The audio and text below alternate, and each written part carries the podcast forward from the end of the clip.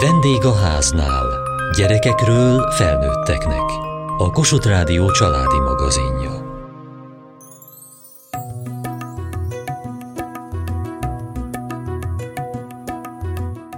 Érzelmi hullámvasút, testi-lelki változások, befogadás és elengedés, az anyává válás folyamatának velejárói. Szerencsére egyre több lehetőség van nyíltan beszélni ezekről – Egymást támogatva, s ha szükséges, szakemberek kísérésével lehet teljesebben megélni ezt a fontos változást.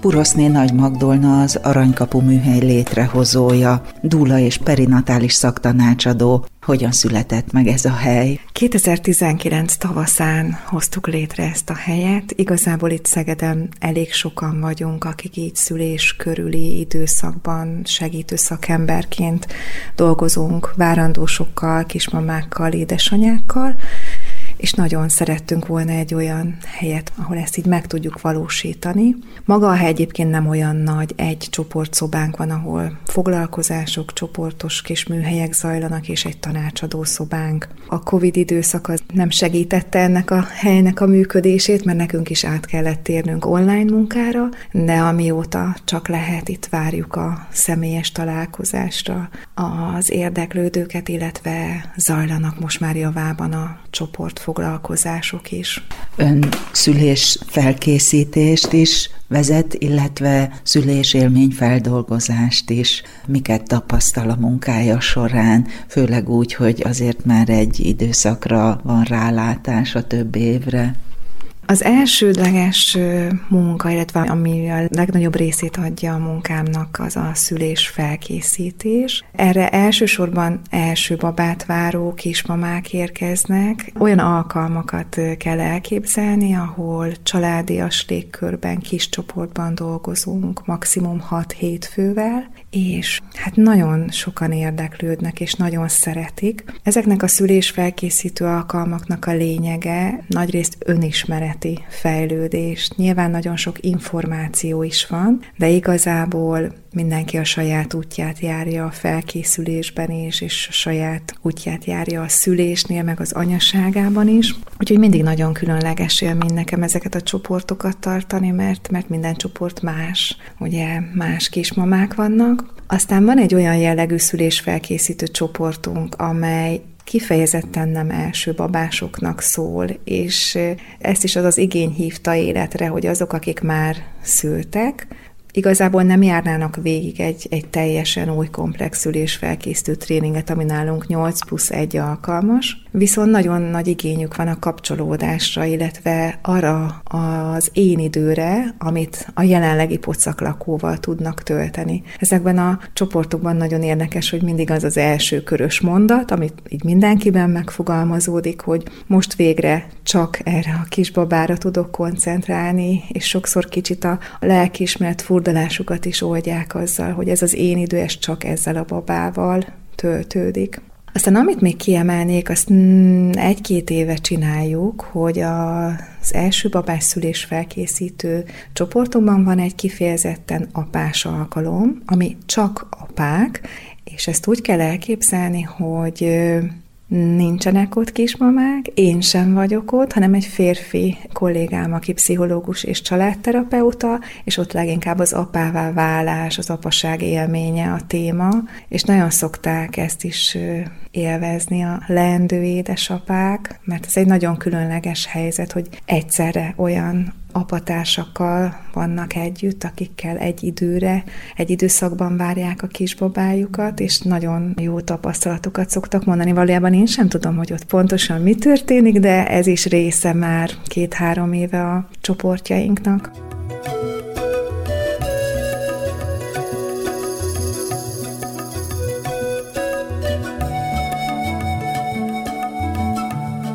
Éppen most ért véget egy csoport, és itt babákkal a pocakban ülnek velem szemben. Mennyi idős a kisbaba? 24 hetes.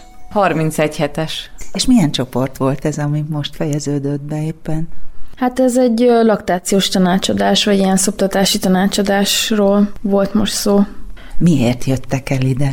Azért, mert első babát várom, és hát még nagyon tanácstalan vagyok, és így szerettem volna egy kis elindulást, hogy hogyan fog majd zajlani az otthoni első pár nap, meg egyáltalán egy az egész szoptatás így hogyan fog otthon történni, még így kórházi körülmények között is. És mit hallott? Igazándiból, ami a legfontosabb az, hogy az ember nyugodt maradjon, és tényleg ö, odafigyeljen az, hogy a babának mik az igényei. Nekem is ez az első baba lesz, tehát nem pánikolni kell, hanem, hanem tényleg odafigyelni, hogy, hogy mennyit szopik, hogy szopik egy baba, és tényleg, hogy az anya is, ha egészséges, akkor igazándiból a kapcsolat is, és a baba is egészséges lesz hosszú távon. Akkor az a szándék, hogy szoptassák a gyermekeiket. Igen, én minimum legalább hat hónapos koráig szeretném. Nyilván ezek tervek, és aztán az élet lehet, hogy átírja, de reméljük nem. Hát én is hasonlóképp szeretném, hogy legalább hat hónapos koráig csak szoptatni, és akkor utána hozzátáplálás, de nyilván ami az élet hozza, de hát ha így a Judit segítségével majd sikerül ezt tényleg hat hónapig tartani. Van itt a türelmen, a figyelmen kívül még egyéb gyakorlati tanács?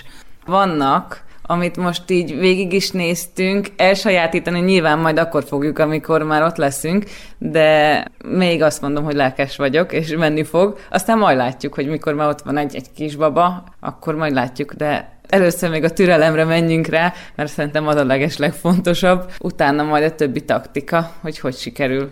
Milyen kételjei vannak? Még nem tudom. Talán az, hogy tényleg az, hogy nem leszek elég türelmes, mert nyilván ez is egy türelemjáték, az, hogy ne is apadjon el, de legyen is elég tej, és hogy legyek is biztos abba, hogyha nem adom fel, akkor nyilván hónapokig is én ezt ki tudom húzni, úgyhogy tényleg teljesen tápszermentesek legyünk a babával. Ez a legfontosabb, hogy azt elkerülni? Hát nem a legfontosabb, de fő cél. Mert ez nyilván természetesebb dolog az, hogy egy anya táplál egy, egy gyereket, mint hogy igazándiból kimérem magát az adagot, és azt adom a babának. Most így a tanfolyam után kicsit még így próbálom így a, az információkat így, hogy leülepedjenek bennem, így elég sok infót kaptunk. Remélem, hogy tudjuk is majd hasznosítani. Remélem, hogy az élet azért nem írja felül majd a dolgokat, hanem így otthon majd így sikerül belerázódni. Mi írhatná fölül? Bármi, tehát akár mondjuk az, hogy, hogy én szeptemberre vagyok írva, lehet akár egy koraszülés, vagy csak egyszerűen az, hogy valami oknál fogva nem sikerül a szoptatás, így ezekre gondoltam.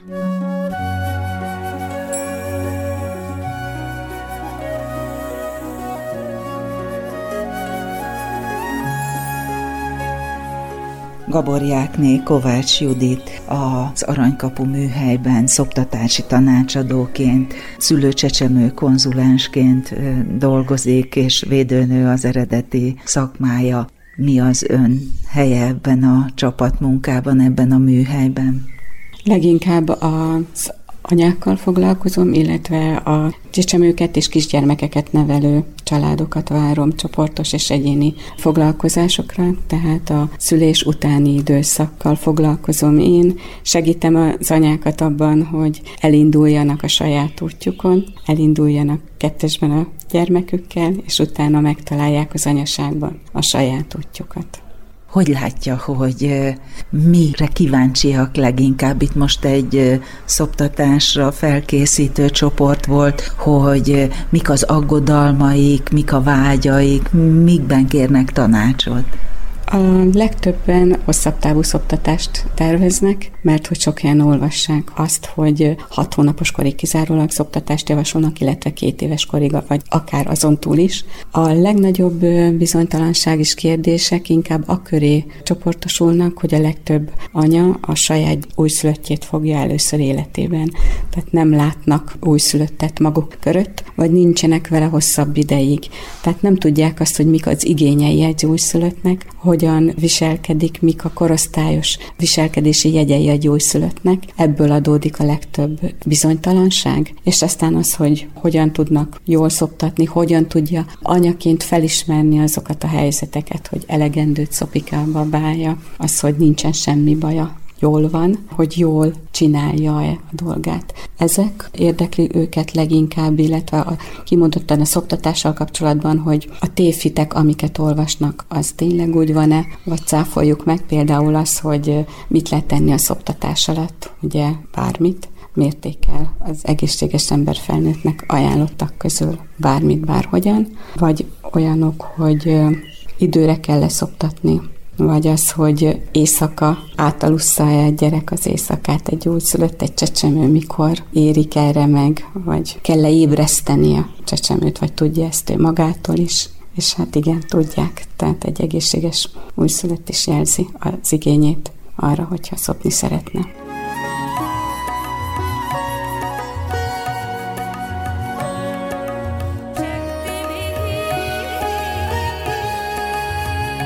És a szülésre hogyan készülnek? Hát szeretnék oda is elmenni egy tanfolyamra, legalább így ismerősök, barátnők, szülők elmesélték így az ő szüléstörténetüket, ez is nagyon fontos, illetve a nőgyógyász meg a szülésznők nincs választott szülésznő egyébként, majd ő az információkat itt tőlük próbálom begyűjteni, meg egy tanfolyamra szeretnék majd későbbiekben elmenni, amikor már jobban közeledik a dátum. Én mindenféleképpen szeretnék pozitív maradni, ami nem mindig sikerül, azért a zárójelben megjegyzem, de egyébként többségében igen, viszont én nem nagyon szoktam végighallgatni másoknak a szüléstörténetét, azért, hogy ne befolyásoljon semmiféleképpen, de nagyon-nagyon bízok az, az orvosokba és a szülésznőkbe és mindenféle ápolóba, aki ott van, mert biztos vagyok benne, hogy nem rosszat akar nekem meg a babának, de én is egyébként szeretném mindenféleképpen a természetes szülést megpróbálni, aztán ha adja a helyzet, akkor nyilván változtatunk, de az, az a mi érdekünket fogja szolgálni. Az, hogy, hogy tornával, meg tényleg lelki rákészülésen én készülök rá, több-kevesebb sikerre nyilván, de várom is valamilyen szinten, de azért tartok is tőle, jócskán, de szerintem ez teljesen természetes mindenkinél. Mire mondja, hogy több-kevesebb sikerrel?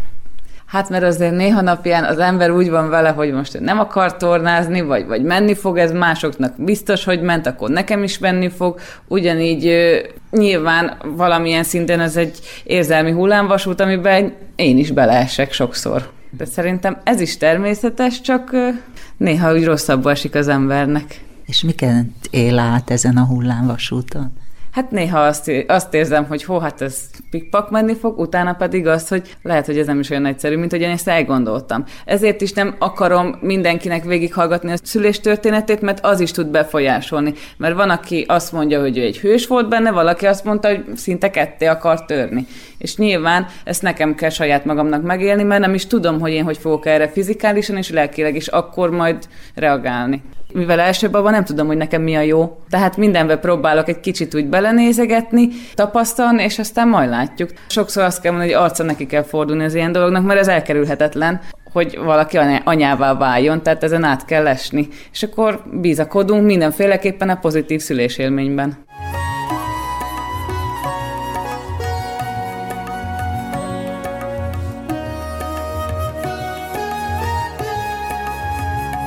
Gaborjákné Kovács Judit, szülőcsecsemő konzulens, Ön miért végezte el plusz ezt a képzést, tehát hogy védőnőként ezt a részét érzékelte, hogy itt elkélne még a segítség, és akkor ehhez gondolta, hogy még tanulná ezt?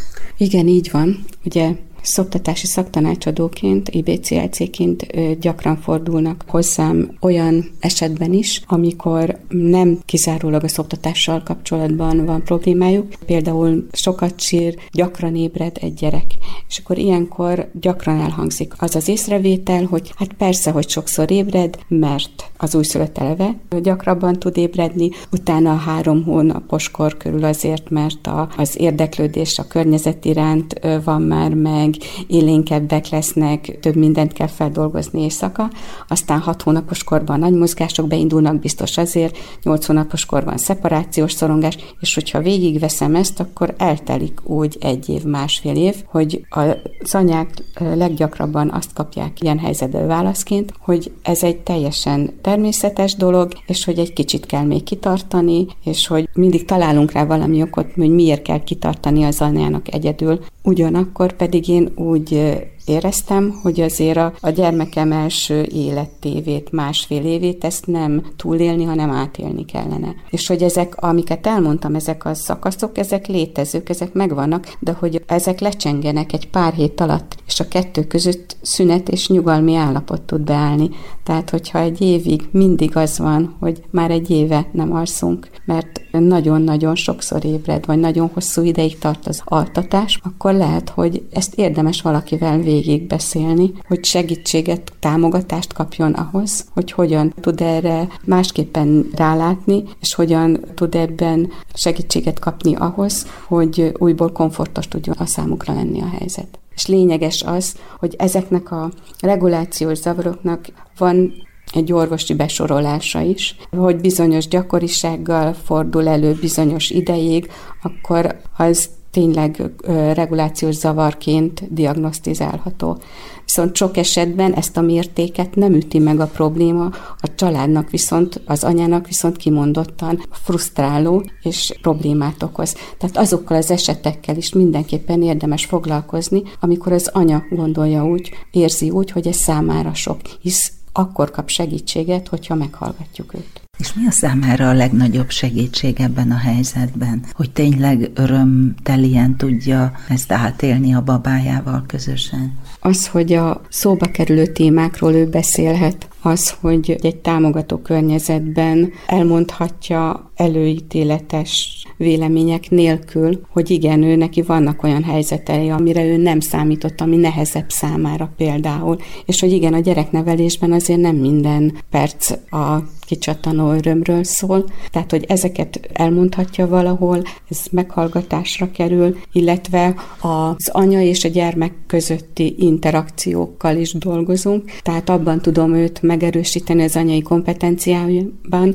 hogy hogyan tud, milyen jól tud helyzetekben szenzitíven reagálni a gyermekének a jelzéseire, és ennek a megerősítése az, ami szintén segít őt abban, hogy a komfortot vissza tudja szerezni. Tehát lehet, hogy nem fog többet aludni egy perccel sem, de valahogy mégis más minőséggel lesz jelen. Igen, abszolút így van.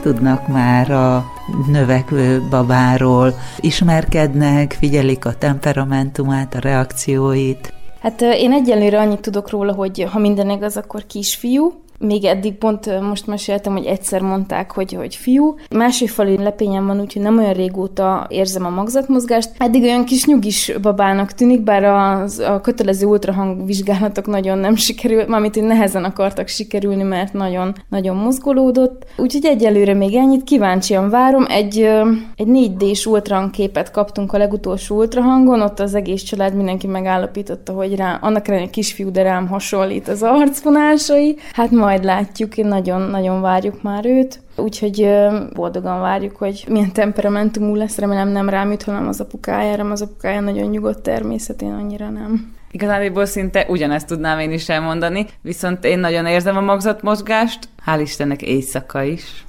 olyan hajnalfél egyig, utána van nyugalmunk, mind a kettőnknek, de semmi gond, mert ezt már teljesen hozzászoktam. Remélem ezek készít az éjszakázásra föl, mert most már akkor ezek szerint ez menni fog. Ezzel szembe nagyon mozgékony, de reménykedek még benne, hogy nyugodtabb abba lesz, mint amit a hasamban néha produkál, mert most is az egész kurzus alatt végigugrált bennem, tehát ez semmi probléma, mert most neki ez a dolga. Tehát majd látjuk, hogyha, hogyha tényleg kijön, akkor majd hogy fogunk egymással összebarátkozni. Néha nehéz, de egyébként meg sokkal jobb, hogy érzem a magzatmozgást, mert nyugodtabb vagyok. Mert mit üzen ez önnek? Igazándiból az, hogy rendben van, tehát hadd szaladjon, hogyha úgy gondolja. Nincs azzal gond, csak néha kellemetlen. De hát ha ezzel jár, és, és még így is szerencsésebb vagyok, hogy nekem ez a kellemetlenségem, és nem az, hogy, hogy igazándiból egészségügyileg nem vagyunk rendben. Tehát Mikorra várja? Augusztus egyre várom, de hát ezt majd látjuk, mert hát ugrándozunk néha a magzat mérete és, és fejlettsége miatt, de én azt mondom, hogy július vége, augusztus eleje, aztán majd látjuk.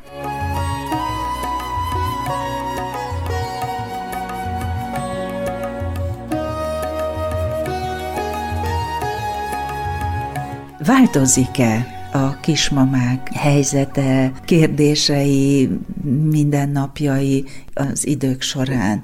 Gaborjákné Kovács Judit, szoptatási tanácsadó, szülőcsecsemő, konzulens és védőnő. Igen, változott a helyzet persze. Én azt látom, hogy nehezebb személyes kapcsolatokat alakítaniuk most, gyakoribb az, hogy a webes területeken ismeretlenül csetelnek, beszélgetnek. Ugye ott azért felszabadultabb ez a kommunikáció, és sokszor nem biztos, hogy teljesen a valóságot írják meg egymásnak, viszont sok ember számára ez egy viszonyítási alap, és hogyha én ugyanazokat nem tudom elmondani magunkról, akkor biztos, hogy én csinálok valamit rosszul, vagy a gyerekemmel nem stimmel valami. Tehát ebből a szempontból rendkívül nehéz helyzetük van a mai anyáknak. A másik, hogy egyre kevesebb a nagy család, vagy a megtartó nagy család. Gyakoribb és jellemzőbb az, hogy a családtagok nagyon távol laknak egymástól, tehát kevés segítséget családon belüli, vagy kevesebb családon belüli segítséget tudnak kapni a friss szülők, úgyhogy meglehetősen egyedül vannak az anyák, családok ezzel a szituációval. Ezen kívül az is jellemző az utóbbi tíz évben, hogy sokkal szélesebb körben készülnek az anyák az anyaságukra, a szülésükre, a gyerek nevelésére, gondozására sokkal szélesebb körből tudnak tájékozódni, kapnak információkat, korrekt információkat, és egyre inkább képesek önérvényesítésre a gyermekük érdekében. Úgyhogy a mai napon is kimondottan tudatosan jöttek kérdések, konkrét dolgok köré szervezték azt, hogy ők miért jöttek el erre a tanfolyamra.